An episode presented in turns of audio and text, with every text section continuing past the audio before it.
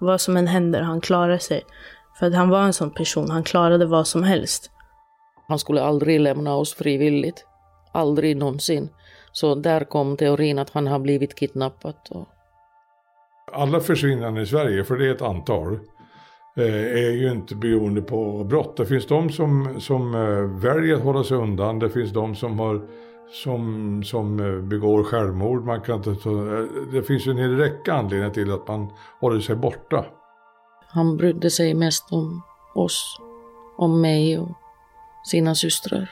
Varför har han inte hört av sig? Vart är han? Vad är det som har hänt? Hon ringer till mig. Ja, hon är ju rädd för att berätta det hon ska berätta. Vad, vad är det som... Alltså hur kan det här ha hänt? Helt plötsligt så är det som att han bara, han bara blir jätte liksom, typ kall eller vad ska man säga. Så säger han bara, jag måste berätta en sak. Det var sån chock alltihopa så jag minns inte ens den kvällen längre. För att det, allt är bara liksom tomt. Det är nog den värsta jag har och jag har träffat många människor i mitt liv. Vi kan inte ha mördaren bland oss. Det går inte.